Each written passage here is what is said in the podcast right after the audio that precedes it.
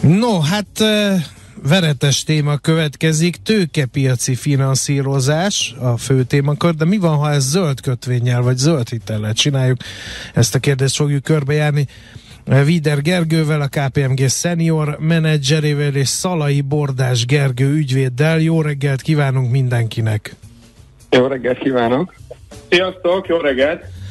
No, az első kérdés, milyen módon lehet a tőkepiacról forrást bevonni? Ja, hát, tőkepi... Gergő?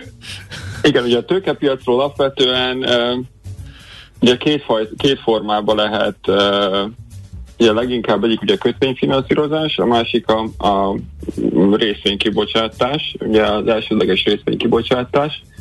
Um, Gergő nyugodtan mondja erről pár dolgot. Ugye, én... ami az érdekes ebben az egészben, hogy uh, ugye ez a két fő forma, ugye mind a kettőnek van előnye, meg hátránya igazából. Na ezeket vegyük is, vegyük is sorra, mert ez a tankönyvekben benne van, hogy kötvény meg részvény, de uh, arról talán kevesebb szó esik ezekben a tankönyvekben, hogy miért jó az egyik, és miért kevésbé jó a másik, és fordítva.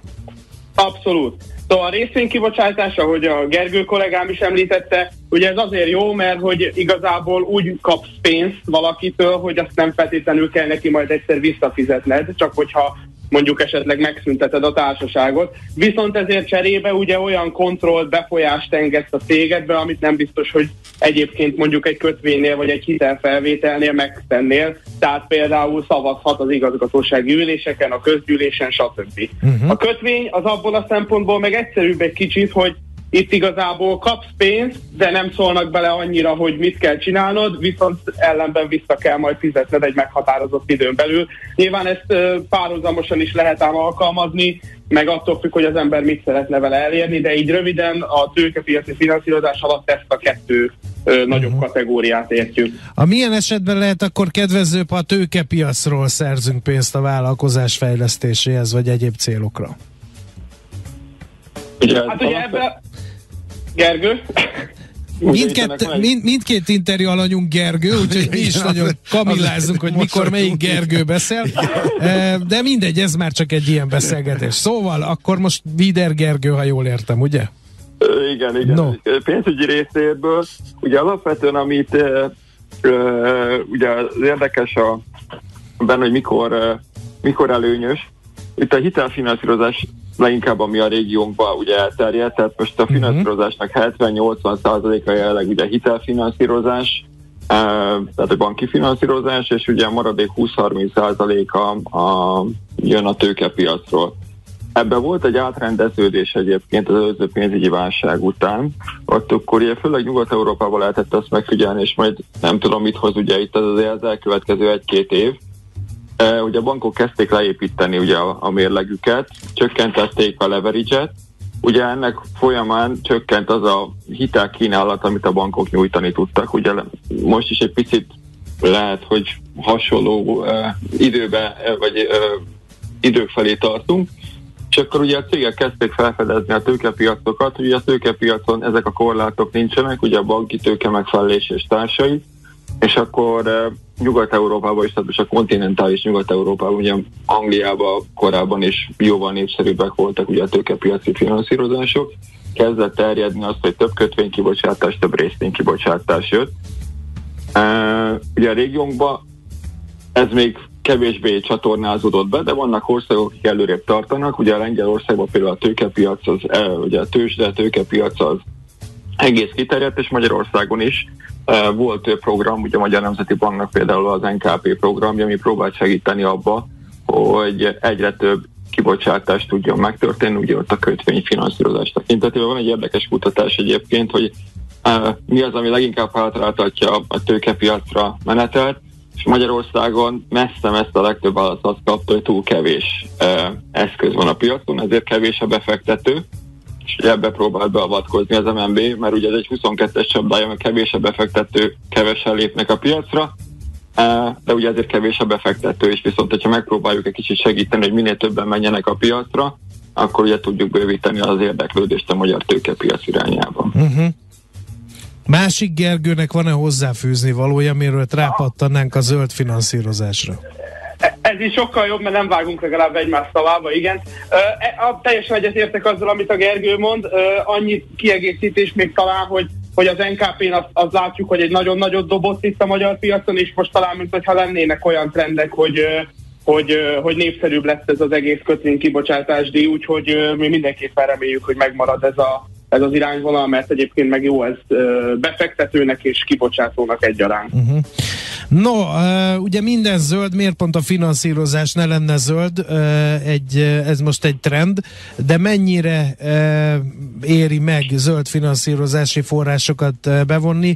Mert ez ennek is gyanítom, mint mindennek van egy árnyoldala, meg egy, egy fényesebb oldala is. Akkor kezdje megint Vider Gergő. Igen, ugye a zöld finanszírozásnak előnyei, eh, akkor kezdem azzal, hogy mik, mik lehetnek az előnyei. Ugye a leginkább, amit szoktak mondani előnynek, hogy bővítjük a befektetői kört, és egy olyan befektetői kört hozunk be, aki stabilabb. Tehát ugye itt az alatt értem azt, hogy egyre több olyan szereplő befektető van a piacon, aki kifejezetten ilyen típusú eh, ESG, zöld, fenntartható befektetéseket keres.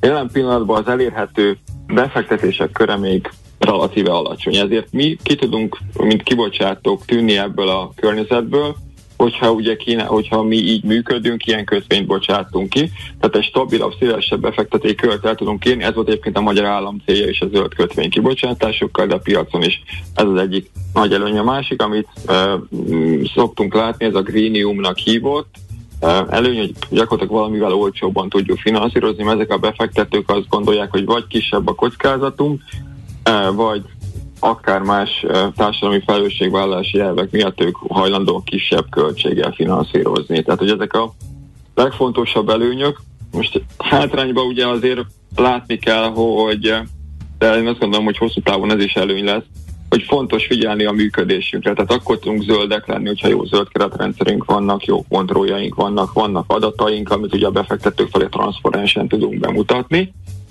Nyilván az, aki mostan lennek neki, az feladattal jár, tehát hogy ebben vannak azért buktatók, már nem jól csináljuk, akkor nem, ugye nyilván több, erő, több erőfeszítés lesz, hogy megfeleljünk a befektetői elvárásoknak. Uh-huh. Oké, okay. Uh, van-e ehhez hozzáfűzni valója Szalai Bordás Igen. Gergőnek? Igen. Amit még, amit még hozzátennék ehhez, hogy ez persze van ennek egy olyan része is, hogy hogy nyilván ez ilyen közös kötelezettség, védjük meg a jövőt, meg, ö, meg ilyenek, ami nagyon fontos, de hogy, hogy egy kicsit az opportunistább részéhez is tudjunk szólni ezzel az egésszel. Ugye ennek van egy elég komoly pénzügyi része is, tehát pont egy pár nappal ezelőtt jött ki az a Bank of England jelentés például, hogyha ha a UK-ben, tehát az Egyesült Királyságban a bankok nem kezdenek el nagyon erősen ráfeküdni arra, hogy csökkentsék az ilyen globális felmelegedésből eredő kockázatokat, akkor nagyjából ilyen 15-20 százalékos profit loss lehet számítani, tehát hogy ö, van ennek egy elég komoly pénzügyi része is, hogy miért érdemes ebbe az irányba orientálódni mindenkinek. Egy utolsó kérdés, rövid választ remélünk, mert nagyon elszaladt az idő. Milyen lehetőség van, hogyha valaki tőkepiacra szeretne lépni, kap ehhez támogatást? Vider Gergő?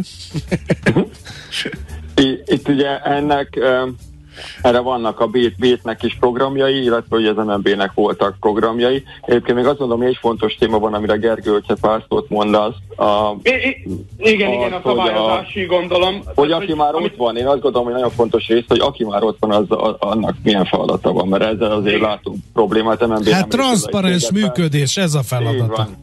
Így, így, van. így. A bevonás, tehát a bekerülés az, amiket a Gergő is említett, a BÉT programjai, az x például ilyen, ameg, ha meg már ott van az ember, és ezzel elkezdett foglalkozni, akkor meg két varázstót mondanék, aztán utána elengedünk mindenkit. Az egyik a benfentes kereskedelemre tessék figyelni mindenkinek, a másik meg a közzétételekre is tessék odafigyelni, mert fontos is Tehát a, a benfentes kereskedelem attól, hogy mi ismerjük a cégünket, és tudjuk, hogy van egy tuti biznisz, ezt ne kereskedjük le a tőzsdén lehetőleg. Ez csúnya dolog.